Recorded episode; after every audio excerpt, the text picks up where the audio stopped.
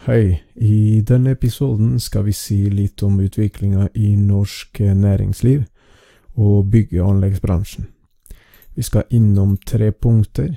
Det første er endringer i næringsstrukturen, eh, sysselsetting og arbeidsledighet, utviklinga i bygg- og anleggsbransjen. Når vi snakker om næringsstruktur, er det viktig å skille mellom primær, sekundær, tertiærnæring. Primærnæringene er jordbruk, skogbruk og fiskeri, mens sekundærnæringene omfatter industri, olje, bygg- og anleggsvirksomhet, kraft- og vannforsyning. Tertialnæringene omfatter alle andre næringer, sånn som varehandel, hotell, restaurant, transport, kommunikasjon, offentlig og privat tjenesteyting.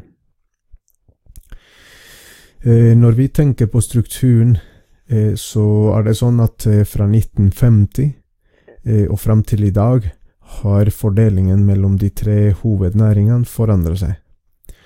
I 1950 utgjorde primær- og sekundærnæringene bortimot 60% av all sysselsetting. Det vil si at alle av de som var i jobb, var i primær- og sekundærnæring. 60% av dem. Mens eh, i dag, eh, eller fra 2013, så begynner vi å nærme oss 20% Altså primær- og sekundærnæringa utgjør 20% av den totale sysselsettinga. Det er en dreining som har betydning for hva slags jobber eh, som gjøres, og hva slags verdiskaping som, eh, som foregår i samfunnet. En annen måte å dele eh, næringene på, er å se på verdien av de varene og tjenestene som produseres, og dette måles ofte med bruttonasjonalproduktet. Der er fordelingen i dag noe annerledes. Primær- og sekundærnæringene utgjør til sammen 41% kontra eh, 22 eller noe sånt i dag, i, i målt i sysselsetting. Det betyr at eh, primær- og sekundærnæringene, spesielt sekundærnæringene eh, med oljebransjen, eh, er næringer hvor det produseres store verdier, men det er ikke behov for så mange mennesker i produksjon, sammenlignet med tertiærnæringa. Vi kan gå over og se litt på sysselsettinga og arbeidsledigheten, og litt historisk perspektiv. Fra 1988 og fram til 2015 har det skjedd noe med, med arbeidsledigheten og sysselsettinga men eh, kanskje ikke helt det du tenker. Eh, hvis vi da eh, ser på de personene som har vært arbeidsledige i den perioden, fra 1988 og fram til 2015, så har antallet mennesker som har vært arbeidsledige, vært ganske stabilt. Og den har ligget på mellom 100 og 180, kanskje, 1000 mennesker men i alle fall i underkant av 200 000. Hele veien. Og ganske stabilt. Men eh, hvordan har det seg da at eh, arbeidsledigheten eh, har vært forskjellig i ulike perioder? Jo, det som har forandra seg, er rett og slett antall personer i arbeid og antall personer som finnes totalt og det er det som gjør at ledighetsprosenten forandrer seg, selv om antall mennesker som er arbeidsledige, er stabilt. Vi har sett spesielt en økning i, i arbeidsstyrken og de som er i jobb, de sysselsatte, fra 2006, som i stor grad skyldes arbeidsinnvandring.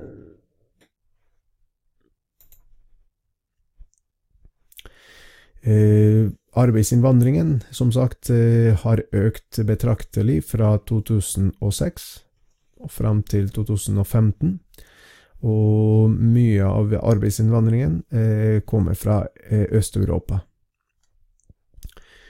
Det har blitt gjennomført en undersøkelse blant bedrifter for å finne ut hva som er de viktigste årsakene til at de velger utenlandsk arbeidskraft, og det er en tydelig, tydelig forskjell på årsakene, og den som, som, som er den største årsaken, er mangel på arbeidskraft.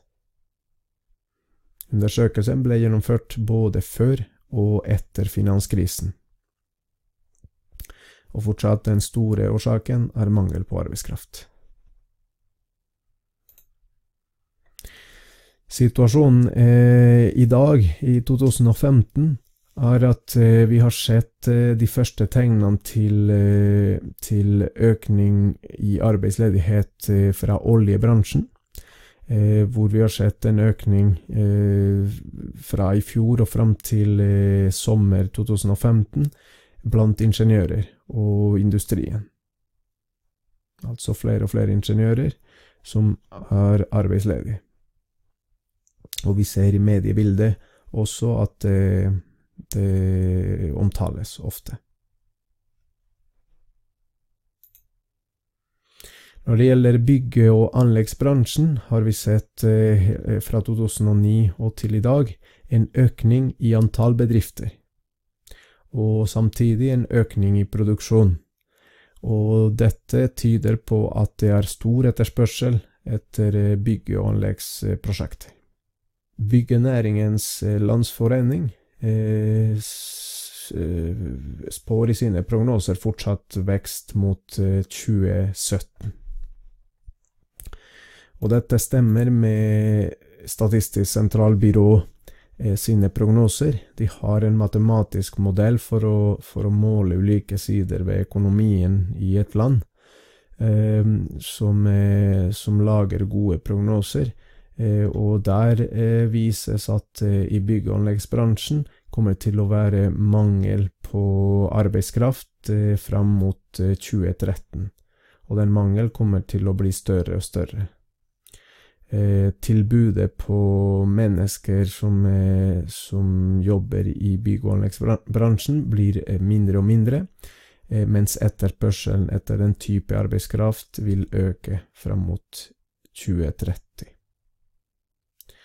Og så fant vi en eh, litt artig artikkel i Adresseavisa eh, som, som, viser en graf som viser hva en byggingeniør tjener i løpet av livet, og hva en snekker tjener i løpet av livet. Og det viser seg at, eh, at en byggingeniør må jobbe i ti år for å tjene like mye som en snekker.